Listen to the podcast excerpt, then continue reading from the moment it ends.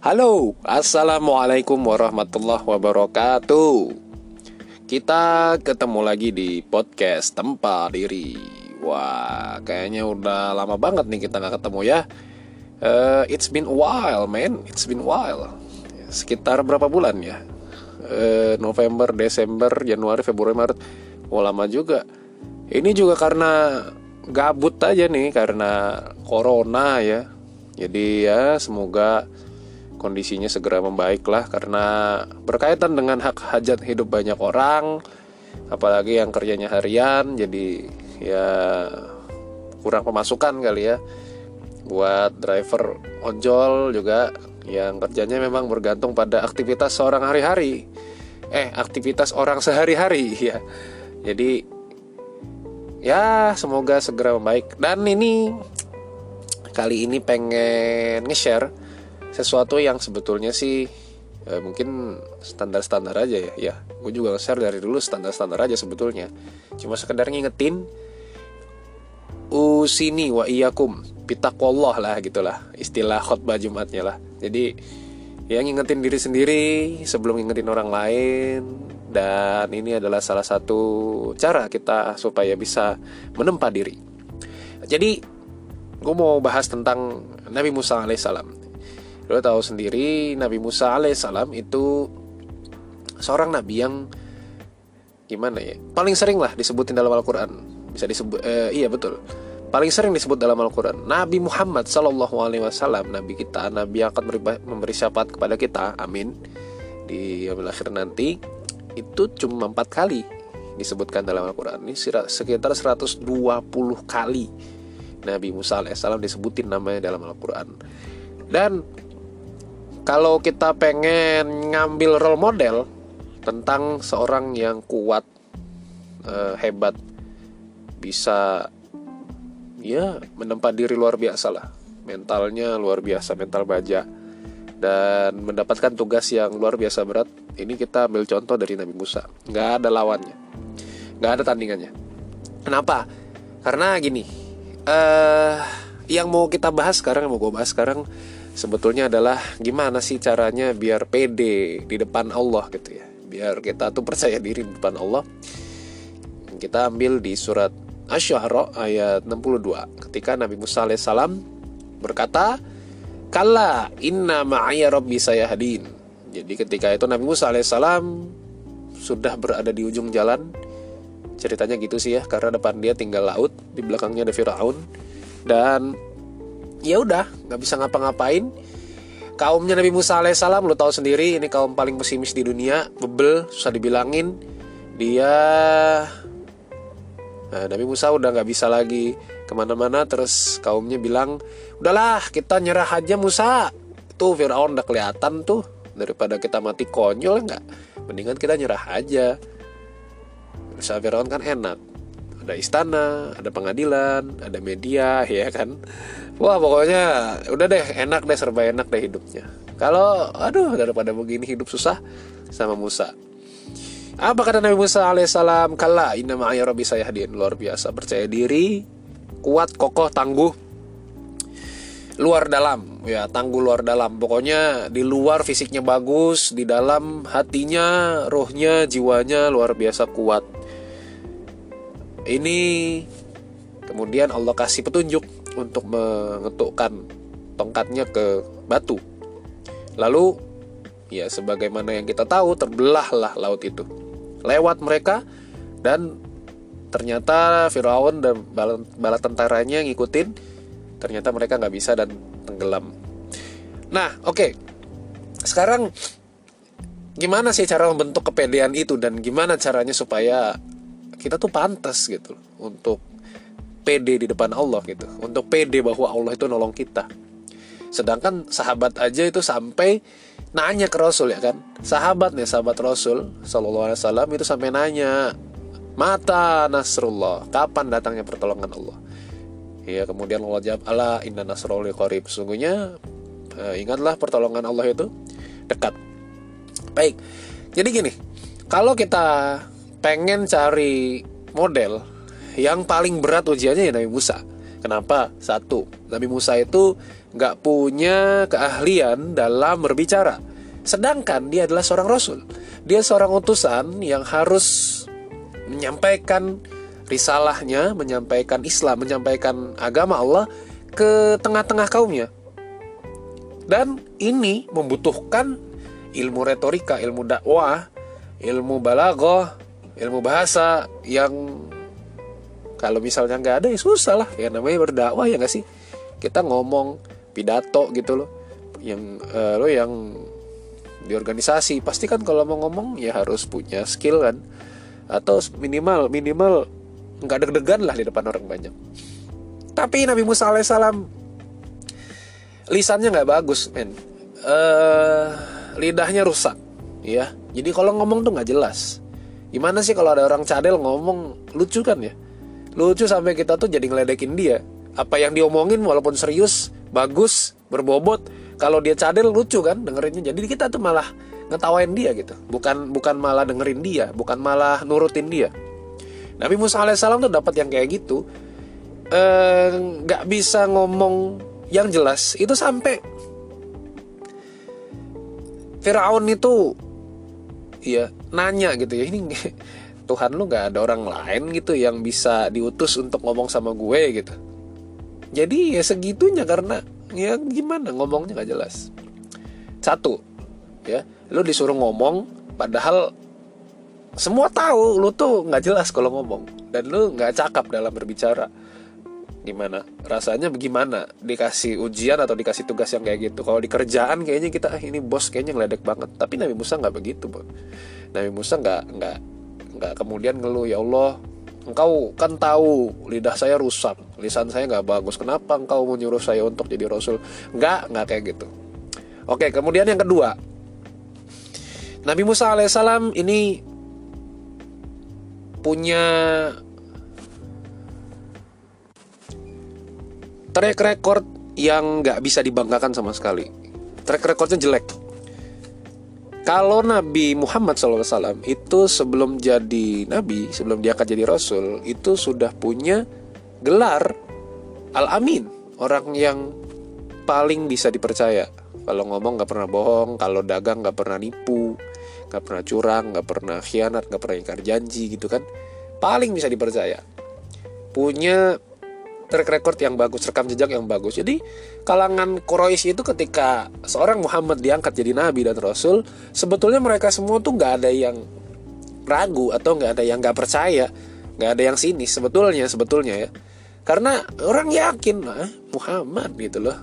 E, pantas aja kalau Tuhan mengangkat dia sebagai nabi ya karena nggak ada celah orang beda sama Nabi Musa alaihissalam ingat Nabi Musa itu pergi dari Mesir Kenapa? Jadi buronan men, ya kan? Dia di Mesir bunuh orang. Orangnya itu adalah siapa? Orangnya Firaun, pro sama Firaun. Dia jadi buronan di situ. Dia kabur dari Mesir, dia sampai di Madian. Madian itu sekarang di wilayahnya Arab Saudi.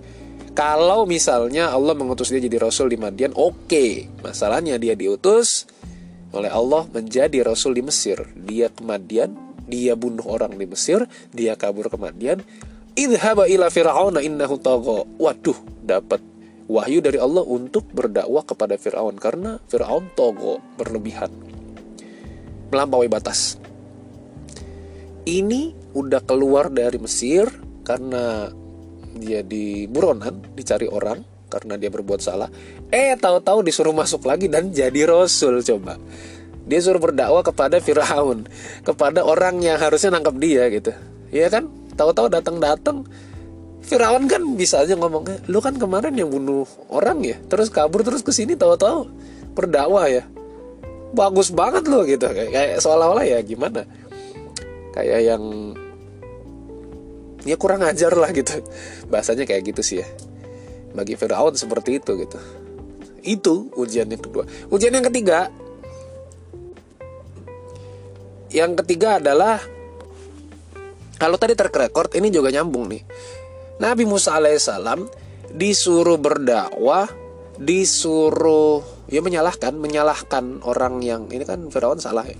Menyalahkan pihak yang dulunya adalah keluarga yang merawat dia sampai gede sampai besar.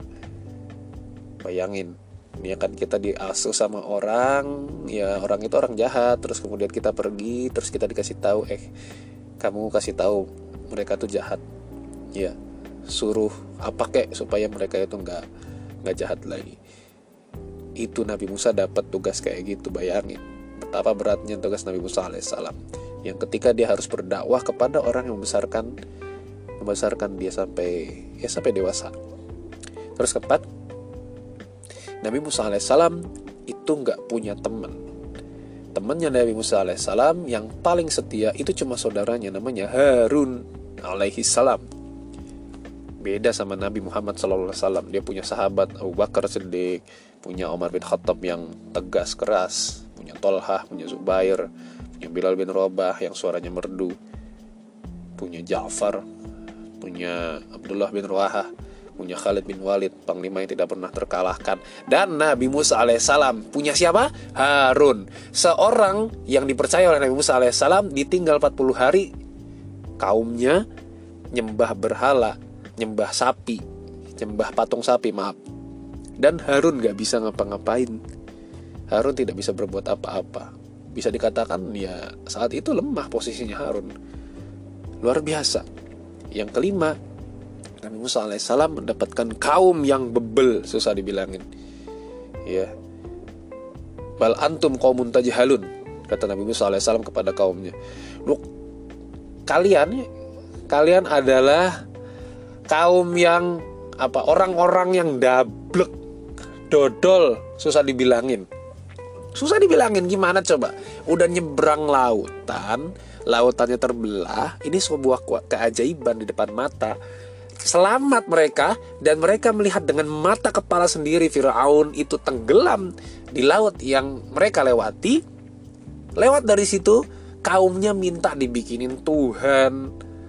Karena ngelihat berhala-berhala dibikin ih kayaknya bagus tuh Musa kalau kita punya Tuhan kayak gitu. Gile. Apa nggak berat gitu loh. Jadi seorang Nabi Musa alaihissalam. Dan Nabi Musa alaihissalam kalau kita baca Al-Quran secara parsial kita akan melihat Nabi Musa itu nggak sabar Padahal Nabi Musa adalah sosok tersabar kalau kita baca di Al-Quran. Secara keseluruhan, Nabi Musa adalah sosok paling sabar. Makanya ketika kita membaca kisahnya antara Nabi Musa dengan Nabi Khidir, kita bisa mengetahui sebetulnya Musa aja yang paling sabar itu bisa nggak sabar ketemu Khidir, apalagi kita. Artinya orang penuntut ilmu kayak kita nih yang cere-cere yang kecil-kecil yang cupu-cupu ini emang gitu nggak sabaran. Baru dapat ilmu sedikit wah merasa paling tahu. Baru dapat ilmu sedikit wah merasa paling hebat. Sebarin ke mana-mana. Oh salah kamu. Salah kamu. Itu hadisnya nggak sohi ini yang sohi dari saya. Ya kan? Kayak udah baca berapa kitab aja. Banyak yang kayak gitu. Banyak ya nggak nyindir salah satu pihak gue juga begitu dulu gitu loh. Artinya ya inilah kita. Nabi Musa alaihissalam tuh sabar. Makanya ditunjukin langsung ketemu sama Nabi Khidir alaihissalam. Nah jadi ketika Nabi Musa alaihissalam mengatakan kala inna ma'ai rabbi sayahdi Nabi Musa tuh pede ya kan? Di depan laut di belakang Firaun. Ya kan? Kalau logika kita depan laut belakang Firaun. Nabi Musa cuma megang tongkat coy. Megang tongkat logikanya apa? Logikanya kalau Firaun udah kelihatan ketok aja kepalanya pakai tongkatnya kan? Tapi kan nggak begitu. Itu kan logika kita logikanya Musa nggak begitu logikanya Allah nggak begitu. Diketuk itu tongkat dan terbelah lautan. Jadi pengen pede kayak Nabi Musa. Merasa bahwa Allah akan menolong kita. Ingat-ingat ya seberapa setia sih kita di jalan Allah? Seberapa keras sih perjuangan kita untuk memperjuangkan agama Allah. Seberapa kuat sih kita untuk memberitahu orang-orang yang wajib untuk kita dakwahi, saudara kita, keluarga kita, orang-orang terdekat kita. Seberapa tanggapkah kita terhadap kewajiban-kewajiban yang sudah Allah kasih kepada kita?